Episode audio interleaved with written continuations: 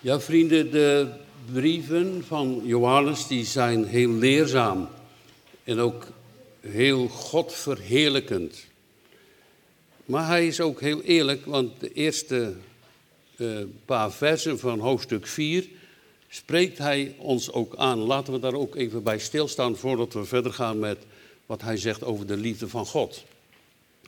Hij zegt, geliefde vrienden, geloof niet iedere geest, maar beproef de geesten of ze uit God zijn, want vele valse profeten zijn uitgegaan in de wereld. Nou, dat is toch heel erg dat, dat, dat je vals behandeld wordt in de wereld door, door, door mensen of zo, maar dat je dus ook in de dienst van God, je gaat naar de kerk of zo, naar een dienst, dat je dus vals behandeld zou worden. Dat je dus op een verkeerde been gezet wordt. Daarom zegt Paul, uh, Johannes, de oude apostel, hij zegt, dan, dan moet je dat testen. Je moet dat onderzoeken. Hoe dat zit, of dat echt is. Dat is natuurlijk heel belangrijk om te weten als je naar een kerkdienst gaat, of het gaat over de Heer en over zijn woord. Of dat het ook naar Gods geest is. Dat woord en geest samen ons zullen leiden. En dat we de genade en de liefde van God mogen ervaren. Dat, dat vloeit eruit voort. En dan zegt hij iets heel aparts. Want hij zegt, uh, uh, ik zal jullie een teken geven waar je het een beetje aan kan zien. Maar er zijn natuurlijk veel meer dingen waar je dingen kan opmerken. Hij zegt in vers 2, je, je kan het hier aan merken. Um, hieraan kent gij de geest van God. Alle geest dus iedereen, alle, geest die beleidt dat Jezus Christus in het vlees gekomen is, is uit God. Dat is een beetje apart. Alle, dus dat lijkt wel heel, heel makkelijk dan. Dat zeggen heel veel mensen. Dat Jezus uit de hemel kwam. En, en, en. Maar hij zegt iets, hij zegt niet. Iedere geest die gelooft dat Jezus mens werd, dat zegt hij niet, maar hij zegt iedere geest die zegt dat Jezus in het vlees kwam. Dat houdt dus in dat God zoon eeuwig is. Let goed op dat het ook is. Eeuwig. Was, blijft en is. Dus Gods zoon is de eeuwige. Met de Vader en de Heilige Geest.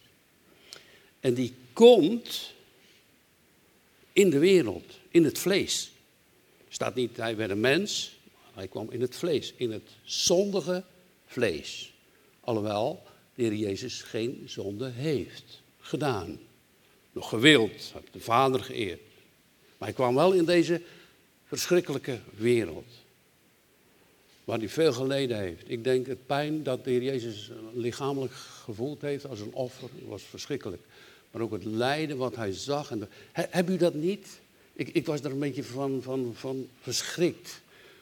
Uh, in de wereld waarin we leven, wat er allemaal niet gebeurt. Hoe ver de Heer opzij gezet wordt weggegooid wordt. We hebben niks meer met hem te maken. We hebben ons eigen plan.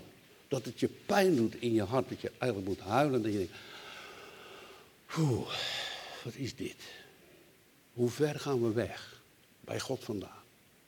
Heb u dat niet? Ik, ik, ik loop daar gewoon mee. Ik denk, ja, mijn God, alstublieft. Uh, is dit wat u bedoelt? Is dit wat u zegt? Laten we zijn stem horen, ook vanmorgen. Of dat we zullen geloven, of dat we blij zullen worden, toch over zijn toekomst. Dus als mensen gaan geloven dat Jezus in de vlees gekomen is, dat betekent dat hij mens werd, maar ook eeuwig God is. En ik denk dat, dat Johannes hier het onderscheid maakt. Want als je zegt dat dat niet zo is, dat Jezus niet in het vlees gekomen is, dat hij als een gewoon mens in de wereld kwam. Nou, nou ja, dan is het een goede profeet, een goed voorbeeld, heeft heel veel wonderen gedaan. Maar dan is het niet jouw God. Dan is het niet jouw Heer. Dan is het niet jouw zaligmaker. Dan is het niet wat God zegt in de Bijbel. Dan ben je, hoor je dus bij de antichrist. En een antichrist, dat moet je eigenlijk toch, toch onderscheiden van goddeloze dingen in de wereld. Antichrist is uh, dat er een religie is die de plaats van Jezus Christus gaat innemen. En dat kan de mens zijn, of dat kunnen gedachten zijn, het kunnen woorden zijn, of het kunnen ook personen zijn. Er zijn vele antichristus in de wereld gekomen. Dat is al genoemd door Johannes in hoofdstuk 2. En die antichristen die, die komen, die zullen proberen ons te ondermijnen. En daarom gaat Johannes hierover spreken. En dan gaat over de liefde van God spreken. Gaat het uitleggen aan de mensen. Pas daarop, let daarop. Dit gebeurt er in de wereld. Dat wij niet verschrikt raken over al die dingen die komen zullen. Nou, dat, ik, ik, ik, noemde net mijn pijn en verdriet. Nou, ik denk dat eigenlijk dat heb de Heer Jezus ook meegemaakt. Die heeft als het ware gehuild over al die boosheden, over die zonde. En tegelijk moeten wij zeggen dat wij ook van de aarde aard zijn. En dat er bij ons, we zijn niet volmaakt. Je hijgt eigenlijk en je zoekt eigenlijk naar die volmaaktheid. Maar waar is dat? Hoe krijgen we dat te pakken? Hoe, zullen we dat ontvangen? Het is aan de marge. De, de heiligheid van een kind van God is niet volmaakt. Dacht u dat het wel volmaakt was? We zijn in Hem volmaakt.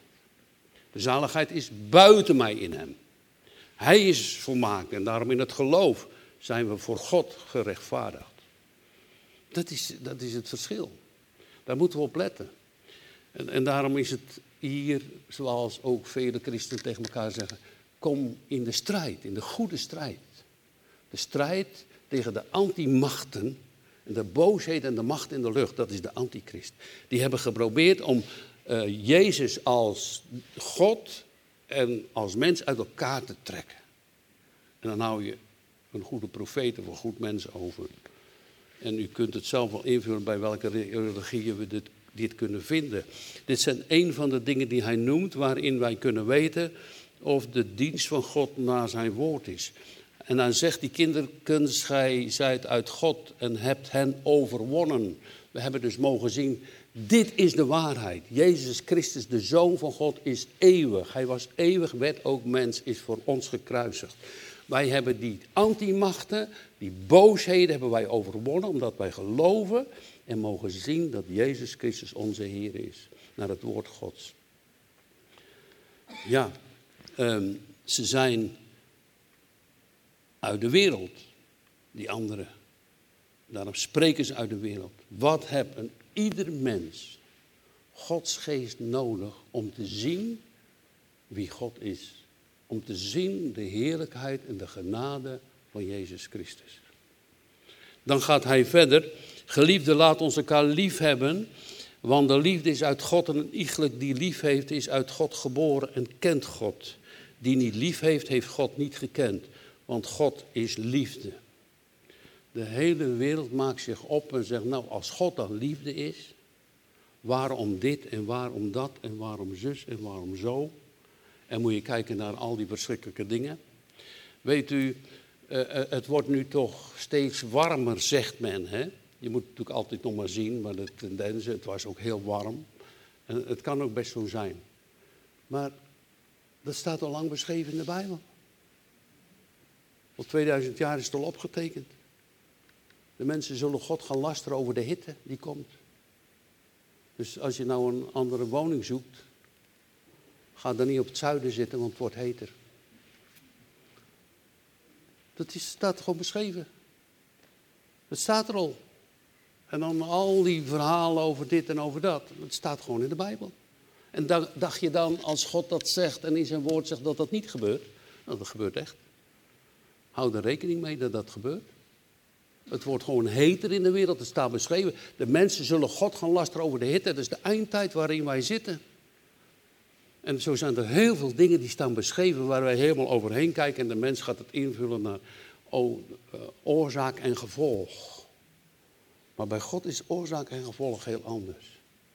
De afval en de haat tegen God is door de zonde, is zo'n grote zonde tegen God. En God die gaat zijn woord vervullen en hij gaat een nieuwe hemel en een nieuwe aarde geven. Nou, daar zijn we naar onderweg. Dat hoop ik voor ieder van u. En ik hoop ook voor mezelf en voor mijn kinderen en, en, en nog veel meer. Onderweg naar die nieuwe hemel en die nieuwe aarde. Nou, als je dan zegt, ja, ik heb eigenlijk helemaal geen vakantie gehad. Nou, daar is rust te vinden hoor. Daar is de liefde van God. Daar is de kracht en de genade van God. En daarom zegt hij, die niet lief heeft, heeft God niet gekend. Zoveel mensen die zijn boos, steken hun vuist op tegen God. En waarom dit en waarom dat? En, en, en hebben wij daar een antwoord op? Ja, die kan een heel goedkoop antwoord geven. Er is zoveel pijn en moeite.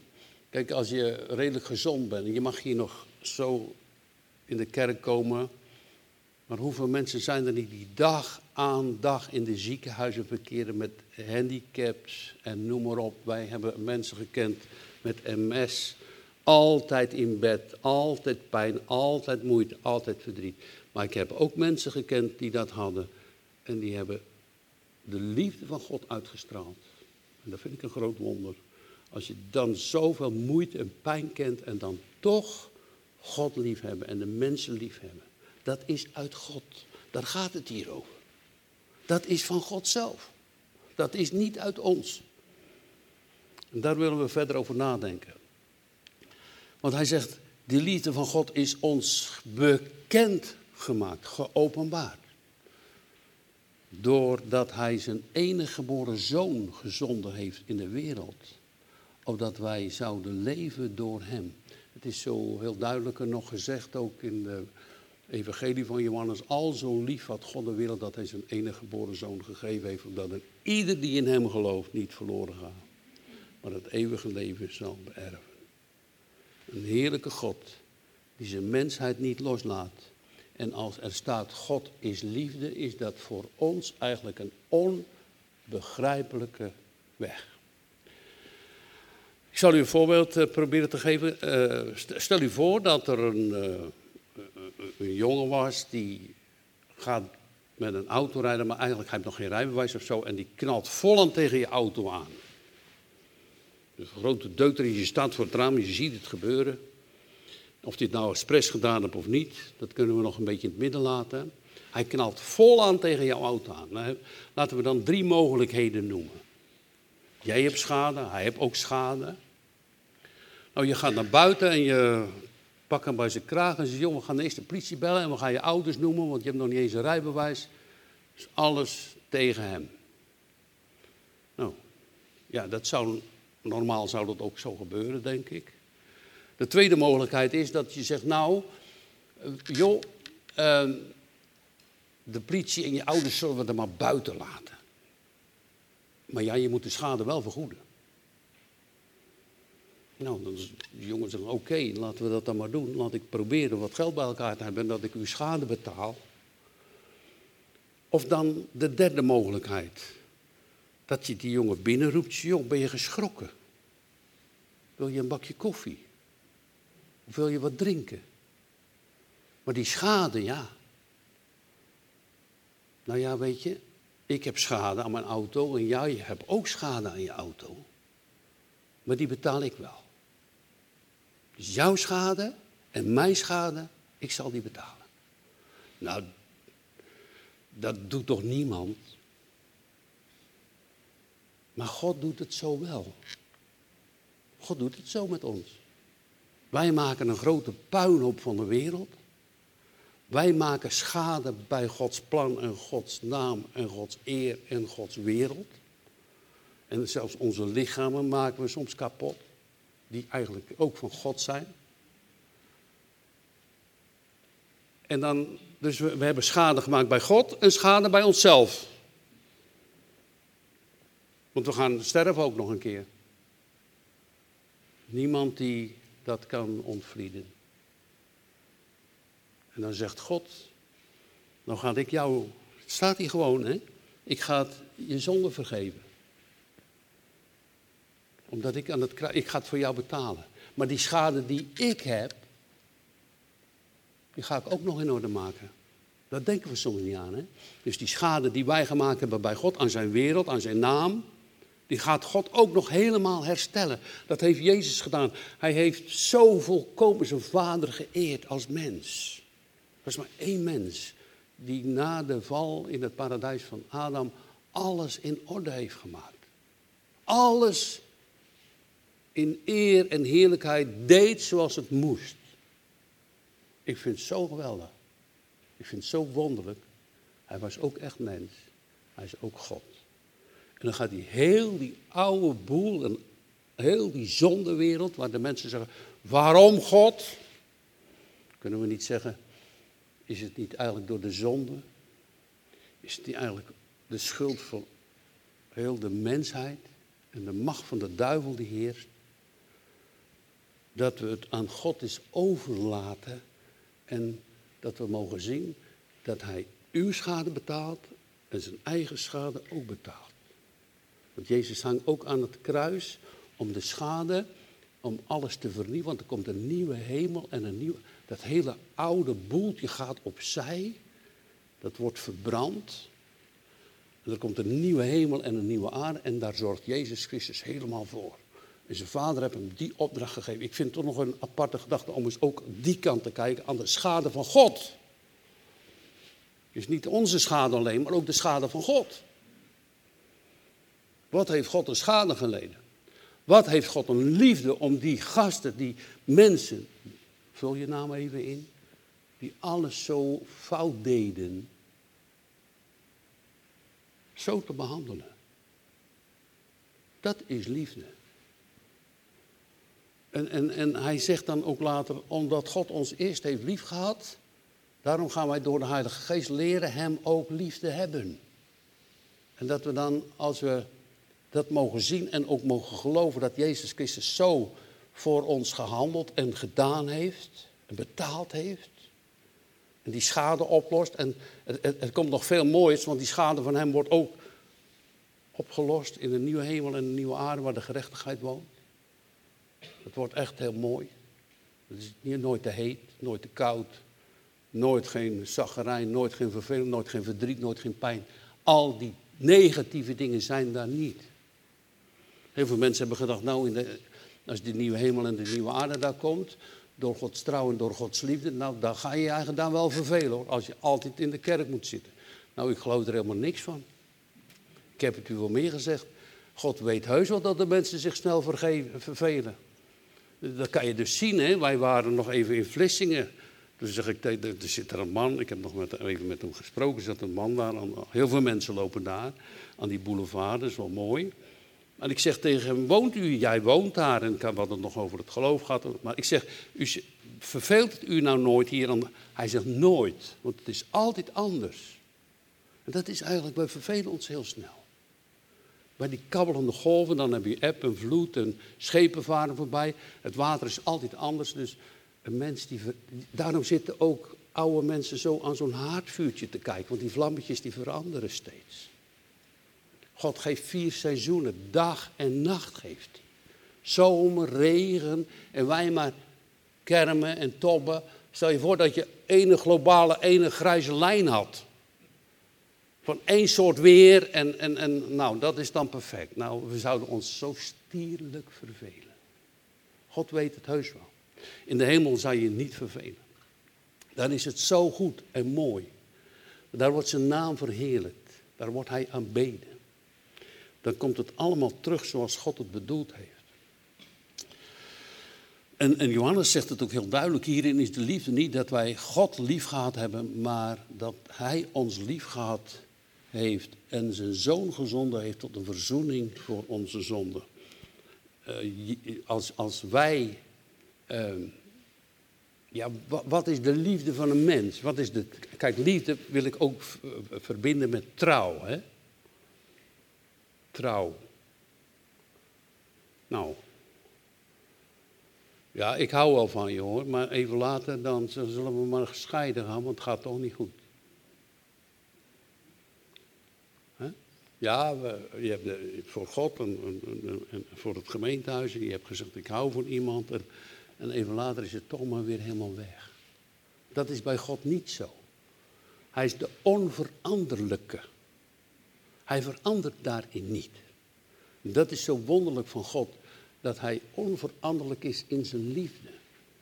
En als hij zijn zoon gegeven heeft, dat staat nu nog vandaag 4 augustus 2019. God gaf zijn zoon tot een verzoening van onze zonden. Die betalingsclaim die de duivel heeft, omdat en Gods recht op ons heeft om ons weg te werpen, die heeft Jezus vervuld. Heeft hij zijn handtekening met zijn bloed ondergezet. Ik heb voor u betaald. God de Vader gaf zo zijn zoon.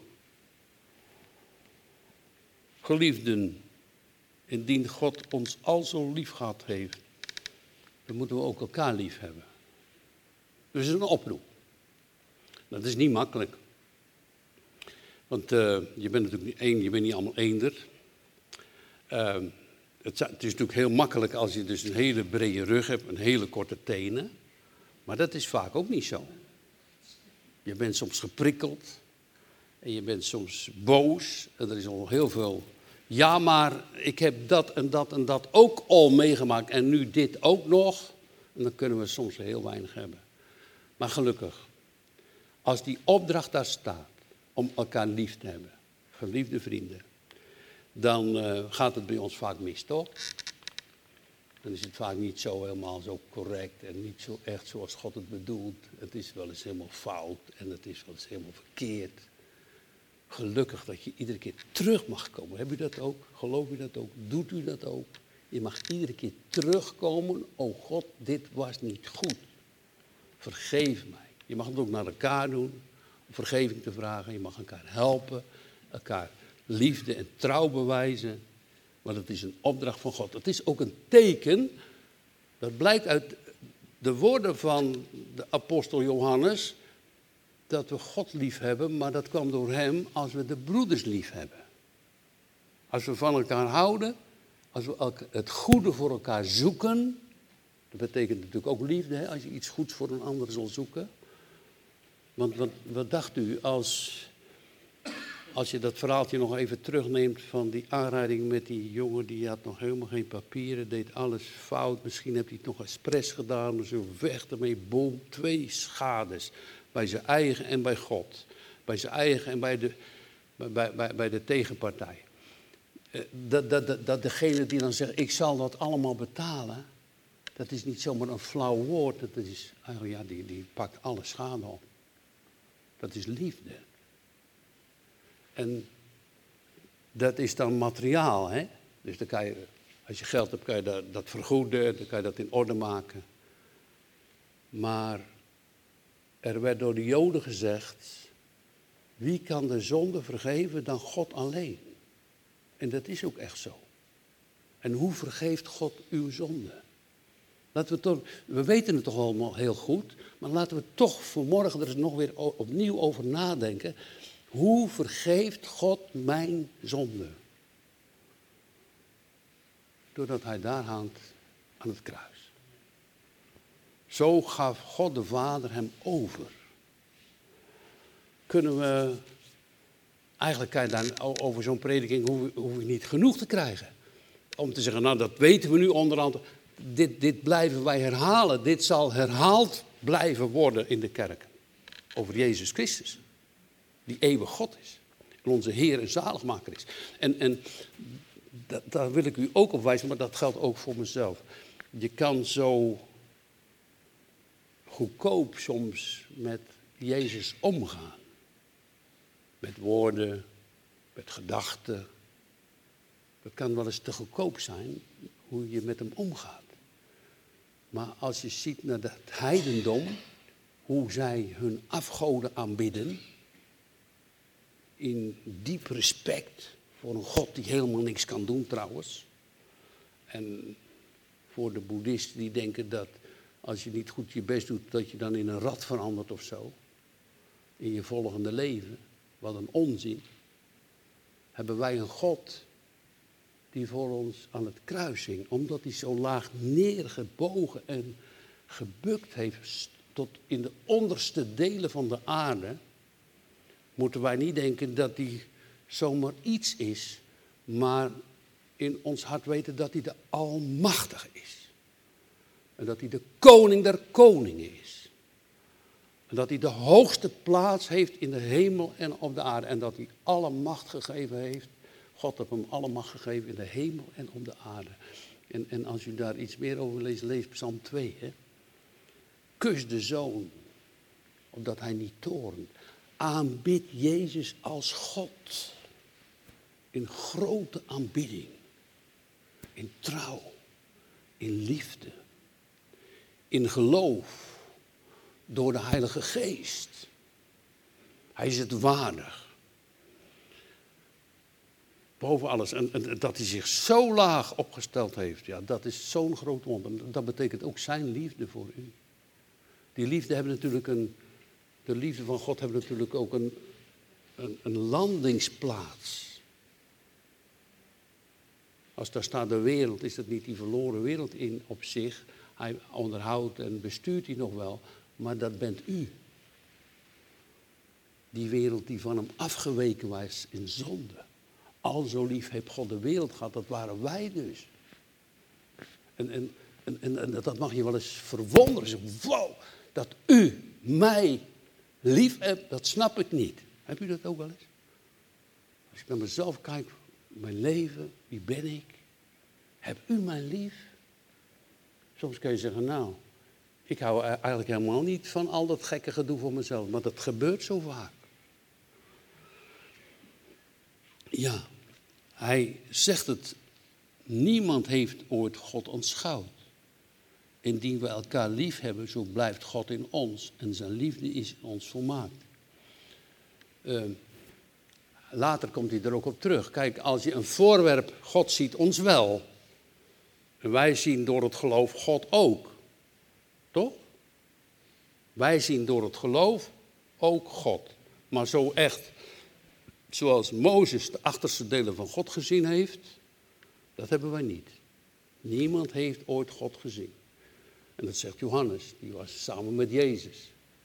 Maar ja, toch staat het er ook weer, hè, dat, dat, dat uh, Jezus, heb gij mij niet gezien, heb gij ook de Vader gezien. Maar hier staat, niemand heeft ooit God gezien met de bedoeling, God is zo hoog en verheven in zijn majesteit, in zijn glans, in zijn heerlijkheid. Als wij als zondige mensen hier op deze boze aarde hem zouden zien, dan zullen we als dood neervallen. Dat gaat niet. Daar moeten we een ander lichaam voor krijgen. Dan moeten we dat verheerlijkte lichaam van God voor ontvangen. Dan zullen we hem gezien van aangezicht tot aangezicht. Omdat Jezus in zijn nederige staat was, konden we Jezus wel zien. Maar later is hij dus verheven. En als hij dus in die hoogte kwam, zien wij dat Johannes als dood aan zijn voeten valt. Dat gaat niet. Vroeger was het al zo in het Oude Testament dat mensen de engelen zagen, dan waren ze al verschrikt of vielen eigenlijk als half dood neer. Dat is het hemelse, dat is het goddelijke, dat is het rechtvaardige, dat is het heilige. Dat is het ultieme grote van God. En God is liefde. Het zal niet gaan. Niemand heeft ooit God gezien. Maar wie wij wel zien en hoe wij wel kunnen weten dat wij bij de Heer Jezus horen, dat zijn de broeders en de zusters. En als we die lief mogen hebben, soms is het lastig. Maar dat komt omdat, soms komt het ook omdat we onszelf te veel lief hebben. En onze eigen standpunten te veel uit willen dragen. Daar komt het vaak ook door. Maar als Gods geest in ons hart gaat werken, dan gaan wij leren, dat is de bedoeling van Johannes, om die goddelijke liefde te gaan beoefenen in de wereld als proclamatie dat wij kinderen van God zijn. En wij hebben het aanschouwd. En eh, hij zegt dus, ehm, en wij hebben het aanschouwd en getuigen, de vader, zijn zoon, dat de vader zijn zoon gezonden heeft tot de zaligmaker der wereld. Zo wie beleden zal hebben dat Jezus de zoon van God is, God blijft in hem en hij in God. Nou, dan moet u zich voorstellen als Johannes deze woorden zegt. Hij heeft prachtige woorden gezegd ook naar de gemeente toe. Kinderkens, jullie zijn uit God. Waarom moet hij dat nou nog steeds zo verder herhalen en steeds weer opnieuw noemen? Waarom gaat hij dat nou nog weer een paar keer noemen? Omdat Johannes weet welke een geweldige strijd er is en welke grote machten van de antichrist, de ongoddelijke dingen zich openbaren en de andere mensen proberen weg te trekken bij God vandaan. De Bijbel leert niet alleen dat het heet wordt, maar de Bijbel heeft ook geleerd dat er een grote afval komt. In de laatste dagen komt er een grote afval. En daarom denken wij samen na vanmorgen over de woorden van God dat u staat op het fundament van Jezus Christus. Dat u geen andere weg gaat. Dat u niet verleid wordt door die verleidende geesten en die machten. Dat u mag staan op zijn woord. U heeft het zelf gezegd. Dat is het verbond ook met God. Waar Abraham op pleit. En Isaac en Jacob. Hierin is de liefde bij ons volmaakt, omdat wij vrijmoedigheid mogen hebben in de dag van het oordeel. Namelijk dat gelijk Hij is, wij ook zijn in deze wereld. De dag van het oordeel. We hebben het genoemd, al die moeilijke dingen. Al die boze mensen die zeggen als God liefde is, dat bestaat dus niet.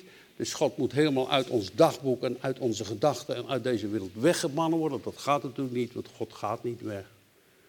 De mensen proberen dat. Dus uh, hij zegt, hierin is de liefde bij ons volmaakt, omdat wij vrijmoedigheid mogen hebben in de dag van, de oordeel, van het oordeel. Dus als die dag van het oordeel, al die rampen, dat wij die vrijmoedigheid mogen hebben, al, dat is mooi hè. Dat is natuurlijk niet mooi als christenen gemarteld en gepijnigd worden en, en, en lijden moeten om de naam van Jezus dat ze dan toch zeggen, hij is mijn God en zaligmaker. Hij is de Zoon God, hij is God en hij is ook mens geworden en mijn zalig. hij is voor mij gekruiseld en hij komt terug op de wolken. Dus, dus die vrijmoedigheid te hebben, al is het nog zo moeilijk, toch te zeggen, u bent mijn God. De getuige in deze wereld. Dus ik, ik noem nu ehm, in de verdrukkingen, maar het kan ook in de verleidingen. In de verslavingen, dat we zeggen, weg ermee. We zijn eerder verleid tot allerlei dingen als dat we denken hoor. Dan kent u uw eigen hart niet. Als je eigen hart kent, dan weet je dat het, als God je maar even loslaat, dan. Oh, dat zijn ook wel geoorloofde dingen toch? Maar als het heel je hart gaat beheersen, ik had het nog in de vakantietijd. Als dat heel je hart gaat beheersen, denk dit is niet goed. Anders zou zeggen, dit is toch gewoon een normaal ding wat je doet. Nee, dit is niet goed. Dit gaat de plaats innemen van Jezus Christus. Weg ermee. Er zijn lessen die we moeten leren, want wij moeten Hem als het hoogste doel van ons leven blijven zien. En dat fundament van Jezus Christus, dat is liefde van God de Vader dat stroomt door woord en geest in onze harten. We gaan het leren. We zijn onderweg. We blijven leerjongens. We zijn kinderen onderweg die bij de hand genomen moeten worden. En als het nu zo is dat je zegt, ja, uh, maar ik ga u nog een ander ding noemen. Wij kunnen wel iedereen de handen opleggen. Maar Paulus heeft ook dit gezegd. Wie de Heer Jezus Christus niet lief heeft, die is een vervloeking Maranatha. Je hebt Maranatha-kerken, dat is wederkomst als God terugkomt. Maar die is een vervloeking als je Jezus Christus niet lief heeft. Die is een vervloeking. Dan moet uw hart ook beproeven. Als hij staat, onderzoekt de anderen, de geesten, maar onderzoekt ook uw eigen hart of u God lief hebt. Is het niet zo? Vraag het aan hem. Heren, ik heb geen liefde tot u, maar geef het me alstublieft. Het is bij u. Het is van u. U kwam met zo'n bereidwilligheid en om zondaren zalig te maken. En ik, o God, ben een zondaar. Ik heb tegen u gezondigd. Zo mag het ook zijn voor ons. Dat we terugkeren naar de God die ons gemaakt heeft. Hij zegt, wij hebben gekend en geloofd. De liefde in vers 16 die God tot ons heeft. God is liefde. Hij noemt het voor de tweede keer in vers 8 en ook vers 16. En die in de liefde blijft, blijft in God en God in hem. Dit is een vergelijking van Johannes. Hij heeft een andere vergelijking gemaakt met uh, uh, in Johannes 15 over die druiventrossen, hè, die, die ranken en, en de wijnstok. Blijf bij hem. En bij hem kan je niet blijven als je niet van hem houdt. Dat gaat niet. En die liefde ga je ook niet dwingen. Je kan niet tegen je kind zeggen: Jantje, jij moet me lief hebben. Dat, gaat niet. Dat zit in zijn hart of het zit er niet in. Jij moet van me houden, maar zo werkt het niet. Dus als je dat nou niet hebt, moet je vragen of God dat in jouw hart gaat leggen. Dat je zo van hem gaat houden. Vindt u niet dat je gewoon eigenlijk eerlijk mag bidden, Heer, ik wil dat eigenlijk vermeerderen? Er zit toch ook wel mate in, in liefde. Er zit toch ook wel verschil in. Wil u dat bij mij vermeerderen? Ja, portemonnee vermeerderen of kracht vermeerderen of dat of dat. Nee, die liefde naar u vermeerderen, dat ik meer van u mag houden. Weet je wat dat ook betekent? Als je heel veel van de Heer Jezus mag houden, dan ga je ook heel veel op Hem vertrouwen. Als je veel van de Heer Jezus mag houden, dan geloof je ook echt wat Hij zegt. Dan zeg je amen op zijn woorden, want dat, dat, ik vertrouw u. Want ik hou van u. Dat hoort zo erg bij elkaar. Ik hou van u. Ik vertrouw op u. Er is in de liefde geen vrees. Maar de volmaakte liefde drijft de vrees naar buiten. Want de vrees, want de vrees heeft pijn en die vrees is niet volmaakt in de liefde. Dat kan, je kan soms best wel eens bang zijn. Ben u nooit eens bang? Oh, ik ben wel eens bang. Ik zie er misschien niet zo uit, maar ik ben wel eens heel bang over allerlei dingen die moeilijk zijn. Die ik niet op kan lossen. En dan ga ik maar naar de Heer Jezus toe en dan zeg alsjeblieft wil u het oplossen. En hij doet het nog ook. Hij heeft me, ons zo vaak geholpen. Hij heeft toen ik volaan met die wagen expres tegen die buurman aanreed, boem.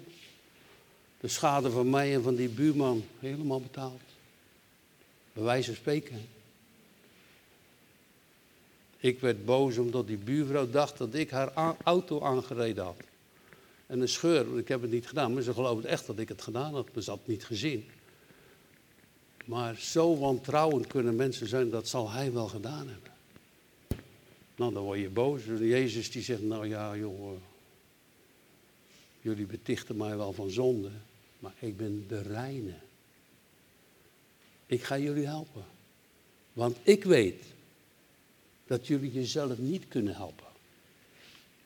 Ik weet dat je, als je zonder mijn geest gaat, je mij niet zal zien. Ik geef u mijn geest. Nou, dat is zo mooi. Dat is zo geweldig. Dat Jezus uh, uh, eigenlijk zegt, dat, dus die liefde is door Gods geest. Dat is een van de kenmerken van de Heilige Geest. Dat wij Hem kennen. We sluiten nog af met die laatste paar versen. Er is in de liefde geen vrees, hebben we net genoemd. Wij hebben hem lief omdat hij ons eerst heeft lief gehad. Het kwam dus helemaal van zijn kant af. Dat, dat, dat moet u scherper gaan zien. Waarom? Als het helemaal van zijn kant afkomt, terwijl ik met problemen of zonde of haat of boosheid tegen God staat, of heel de boel verknoeid heeft, Waarom zeg ik nu als prediker dat u dat scherper moet gaan zien? En waarom vind ik dat heel belangrijk? Omdat ik dan hem zo eer dat hij zo is. God is liefde. Bent u zo? Nou, dan gaat mijn leven ook kracht krijgen, vernieuwende kracht krijgen om hem lief te hebben. Van daaruit. En dat geeft een uitwerking in mijn leven. We kunnen dat zien bij de verloren zoon. Die gaat heus niet meer weg bij zijn vader hoor, als hij teruggekomen is. We kunnen dat zien bij Zacchaeus. Alles wat ik gestolen heb, dat geef ik vier keer terug. Plotseling komt er liefde in zijn hart. Omdat Jezus hem aanraakte. Je gaat leren de anderen te vergeven. Je gaat ook de anderen leren lief hebben. Het is een strijd. Soms lukt het ook helemaal niet. Wees nou eens eerlijk voor jezelf. Soms heb je haat in je hart. Lukt het niet, moet je terug. God, alsjeblieft, help mij. Doe het weg uit mijn hart. Geef mij kracht. Maar geef mij ook vernieuwing door de liefde van u. Omdat wij zullen leven zoals u het bedoelt. Want die liefde van God maakt ons anders. Hoezo dat ik dat ga beoefenen en ook doet? Nou, dat komt eigenlijk zo omdat ik als ik mezelf, wees eerlijk voor uzelf, een cijfer moet geven. Kan je wel heel negatief noemen, maar God ziet het wel zo. En ik wil het van mezelf ook zo zien. Dan heb ik een cijfer, een nul. God die komt, die zet er een 1 voor. Je bent volmaakt in mij. Een 10. Zal ik hem niet lief hebben? Zal ik niet van hem gaan houden? En de testcase is als we de broeders haten of het, van allerlei dingen dat het niet goed is. Hoe zullen we dan, zegt de apostel, God liefhebben die we nog nooit gezien hebben, maar je broer ziet je wel. Het is niet makkelijk, maar het is wel een oefening. En die kracht vloeit voort uit de liefde van God. Opdat we zullen leven. Opdat we ons zullen verwonderen. Het is een grote genade als Hij dat voor ons doet. En voortdurend moeten we daarop letten. En dit gebod hebben wij van Hem, namelijk dat die God lief heeft, ook zijn broeder lief hebben. Het is een hele opdracht. Het is heel moeilijk. En vaak moeten we eigenlijk met Jona overboord geworpen worden. Want uh, dat we de anderen hoger achten dan, de, de, achter dan jezelf. Dat je dus, als je elkaar lief hebt, heel veel moet leren slikken. Dus een beetje brede rug krijgen. Kortere tenen moet hebben. En al die dingen meer, of dat je zegt, we moeten aankomen. Het doel moet je voor ogen houden. We moeten samen bij Hem zijn. Bij de koning der koningen. En die weg is geopend. Het kleed is door de midden. Die weg heeft hij gebaand. En hij roept de wereld op, kom terug. Laten we nog één ding. Niet meedoen met al die dwaasheden van de wereld. Ik kreeg ehm, op zo'n pleintje bij de winkels zo'n krant aangeboden. U weet dat wel, dan willen ze allemaal die, de, kranten gaat het slecht, want er gaat veel met de media, dan en dan. Dus ik had, nou ja, het was eigenlijk nog een beetje fopperij, want achteraf moest je dan toch betalen. Dan moest je elke week toch nog 4 euro betalen voor een krant. Nou goed, uh, ik denk, nou ja, laten we maar, eens kijken bij die krant. Dus we hebben een poosje gehad. Ik doe alleen die Sudoka een keer. Dat is het enige wat ik erin doe. En de rest, ik denk, wat, wat een zootje is dit. Waar hebben ze het over? Wat stuurt die media ons een kant op? Ik wil dit niet, dus ik heb gebeld. Ik hoef die krant. U moet toch doorbetalen, mij best. Ik betaal wel door, maar ik hoef die krant niet meer. Alsjeblieft. Ik laat, kom nou, al hun meningen. Hier hebben we Gods woord en Gods mening. Dat we daar eens naar luisteren dan. Wat stap je gauw in zulke valkuilen met die kranten en dat gedoe. Ik heb hem van de week gebeld, Anneke zat erbij. Ik zeg, bel op. zeg, ja meneer, maar uh, u hebt toch betaald? U, u, moet nog steeds betalen elke week 4 euro. Ik zeg, nou ja, dat, dat zal dan wel. Maar ik hoef het niet meer.